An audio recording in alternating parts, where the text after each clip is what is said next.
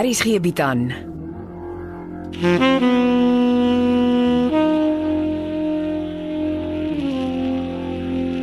Beproeving deur Jo Kleinhans.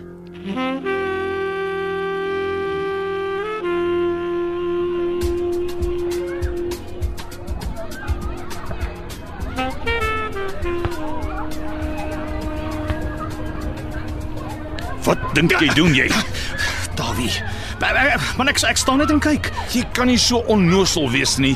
Dis laerskoolseuns. Maar ek kyk net hoe hulle speel. Ek was altyd die skool se cricket coach. Het jy jou paroolvoorwaardes vergeet jou stommerik?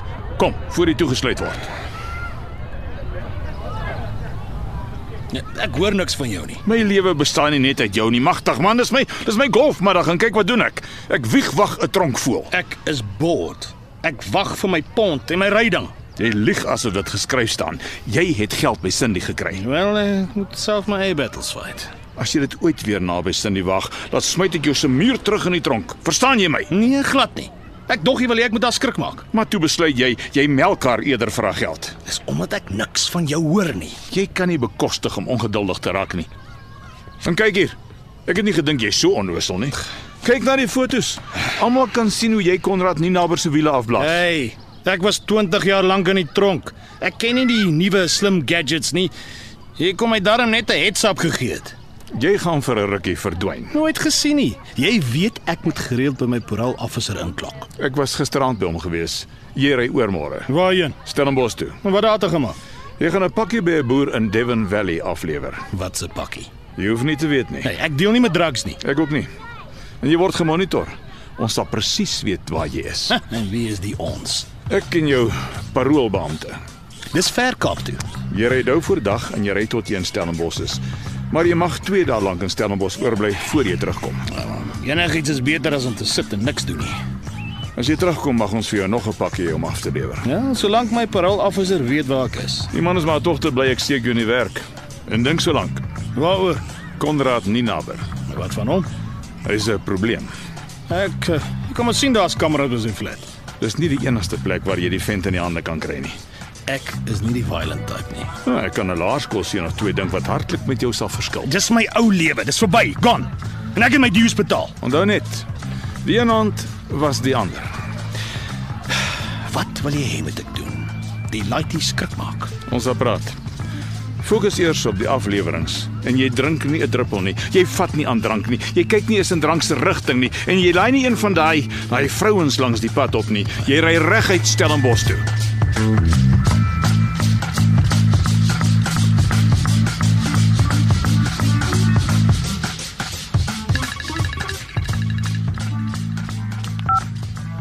Môre pa. Seun, ek neem aan jou paspoort is nog oukei. Okay. Hoekom? Jy vlieg laatmiddag Zambië toe. Het pa vergeet ek werk in 'n restaurant. Ek staan by jou baas in die restaurant, hy verstaan. Ek het hom beloof ek reël volgende week elke dag ete in sy restaurant. Pa kan nie sommer net oorvat en interfereer in my lewe nie. Nie kort 'n uh, breek. Wat gaan ons in Zambië doen? Uh, nie ons nie, jy. Jy vlieg saam met Dr Becker en sy skelm vriend van die kunsateljee. Daar's 'n paar skillerye in Camilla se huis wat hulle wil sien. En jy gaan saam om hulle onder oog te hou. Maar eh, ons sal praat voor jy vlieg.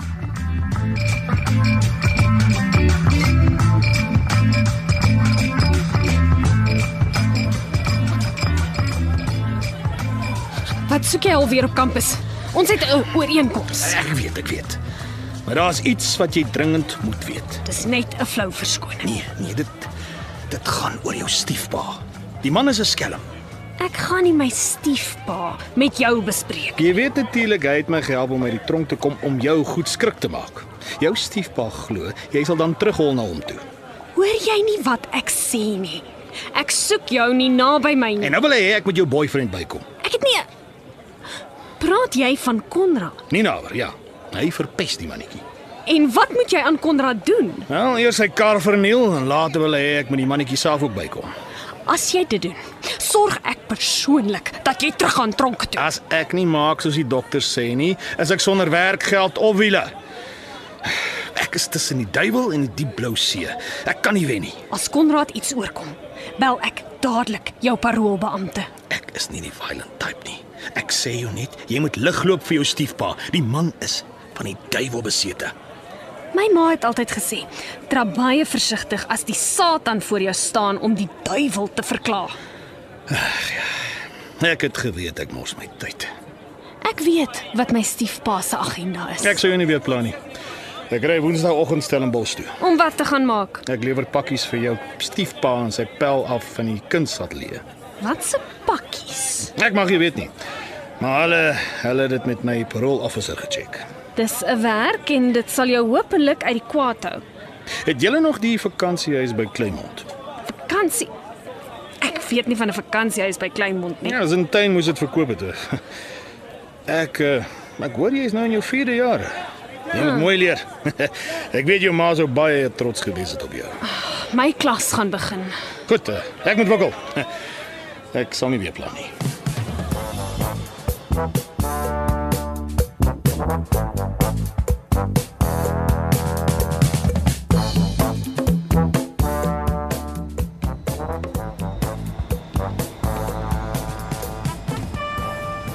Het dokter my ouma Susara geken? Luister. Dis erg genoeg dat ek aan ekonomiese klas vlieg en langs jou sit. Ek wil graag my koerant in vrede lees. Wat gee jou die idee ek moes jou ouma geken het? Sy was 'n pasiënt van dokter Liebenberg en Cindy se ma. Onkel Lou hanteer meer as 20 pasiënte per dag.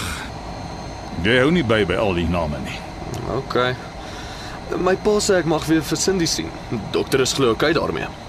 Ek is in my hart oortuig daarvan julle vriendskap stuur op 'n ramp af. Kom ons kyk maar hoe dinge ontwikkel. Ek verstaan nie hoekom jy van alle mense saam met ons Zambië toe vlieg nie. My pa was vas. Hy het dringende afsprake.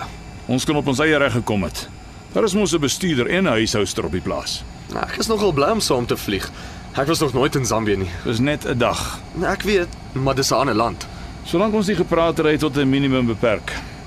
En ek sal self my sitbespreking doen met die terugvlug.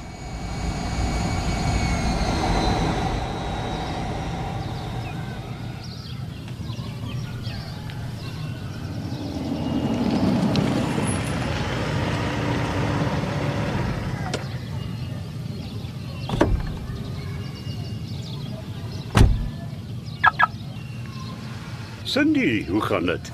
Uh, het jy vir iemand by die gastehuis kom kuier? Ja, vir jou.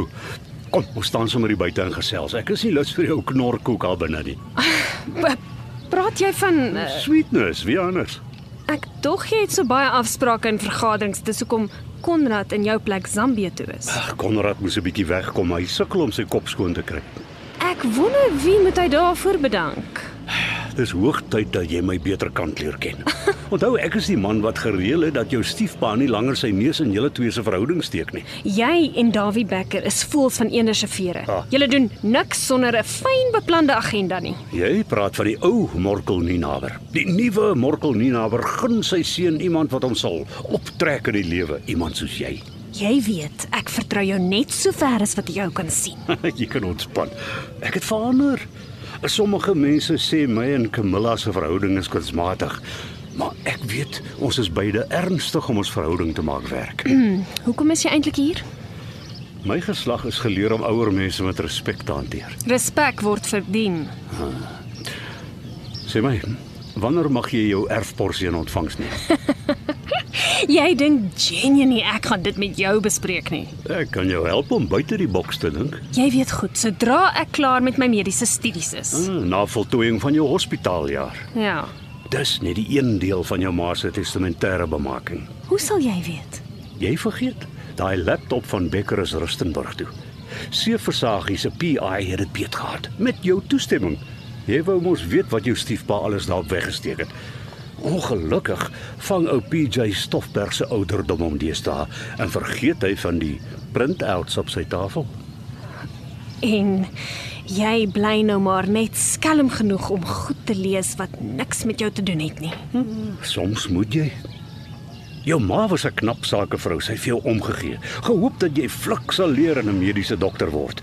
Maar sy was 'n realis. Sy het besef daar's nog altyd die moontlikheid dat jy nie end uit gaan swat en in haar voetspore volg nie. Daarom het sy daarvoor voorsiening gemaak. Sy het 'n tweede, baie belangrike testamentêre bepaling laat inskryf waaroor niemand praat nie, nie eers jy nie. Want dit gaan nie gebeur nie. Nie eers as jy Dawie Becker kan sink en soos kanker uit jou lewe sny nie. En skielik raai ek presies hoe jou kop werk. My kop werk bagga, dankie. Feit van die saak is, die oomblik wat jy na jou mondigwording trou, is jou erfporsie joune. Becker en sy aanspraak op jou erfporsie is 'n muur geskiedenis. Glo my. Trou is die heel laaste ding waaraan ek nou dink. Dis omdat jy nie buite die boks dink nie. Jy's nie serius nie. Stel 'n huweliksvoorwaarde kontrak op wat joune is, is joune. Konrad behou wat hy het. Dis 'n mm, gerieflikheidsverhouding, maar dit stel jou in staat om Becker uit jou lewe te boeder. Sommer klaar besluit wie my eggenoot ook moet wees. Konrad het 'n hart van goud, en jy weet dit. Iemand het sommer oornag 'n spesialis op die gebied van gerieflikheidsverhoudings geword. Kyk wat het Becker gedoen, hè? Hy het jou pa uit die tronk uitgelieg net om jou lewe genoeg te versuur sodat jy kan terugkruip na sy huis toe, hè? Jy kan nie toelaat dat die man jou so manipuleer nie. Neem beheer van jou lewe. Maar jy het 'n betroubare vernoot nodig. Iemand soos Konrad. Dink net vir 'n verandering buite die boks. Dink tot jy die lig sien.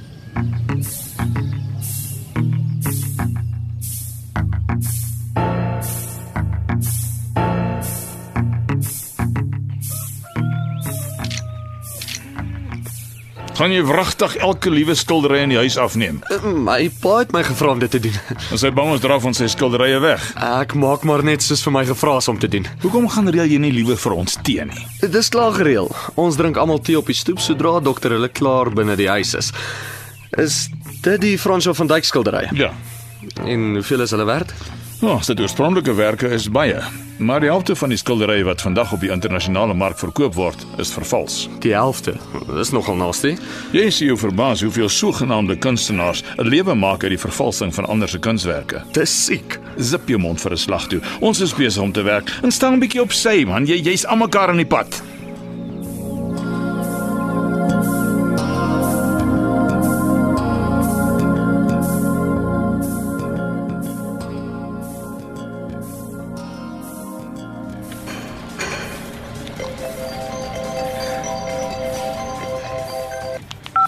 Cindy, hallo. Blaai ek. Waar kry jy my selfoonnommer? Eh, By jou stiefpa. Ons het klaar gepraat. Ek eh, ek drink koffie langs die pad. Klink of jy in die gym is. Ek oefen gereeld. Ek dog ek bel jou net en sê wat ek dink in die pakkie is. Wat Ek kan sweer dis 'n skildery. as dit waar is? Kan dit nie sommer net 'n gewone skildery wees nie? Mm, dis wat ek ook dink. My stiefpaal Nou, is nogal groot op skilderye. Hy en sy vriend van die kunsateljee, dis sy stokperdjie. Ek moet waai.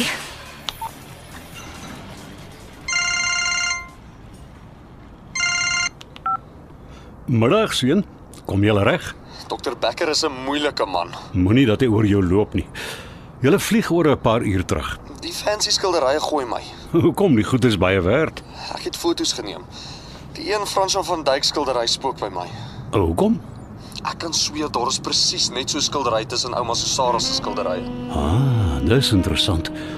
Ek is bly hierdie foto's geneem. Jy kan dit gerus vir jou oupa Seef kom wys. En dan vra jy hom sommer of julle twee saam na jou ouma Susara se weggesteekte skillerye kan gaan kyk.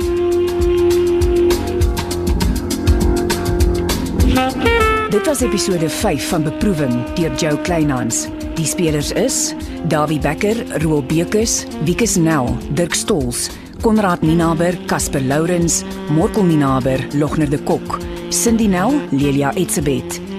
Die storie word tegnies versorg deur Evit Snyman Junior en Bongwe Thomas en die regisseur is Renske Jacobs.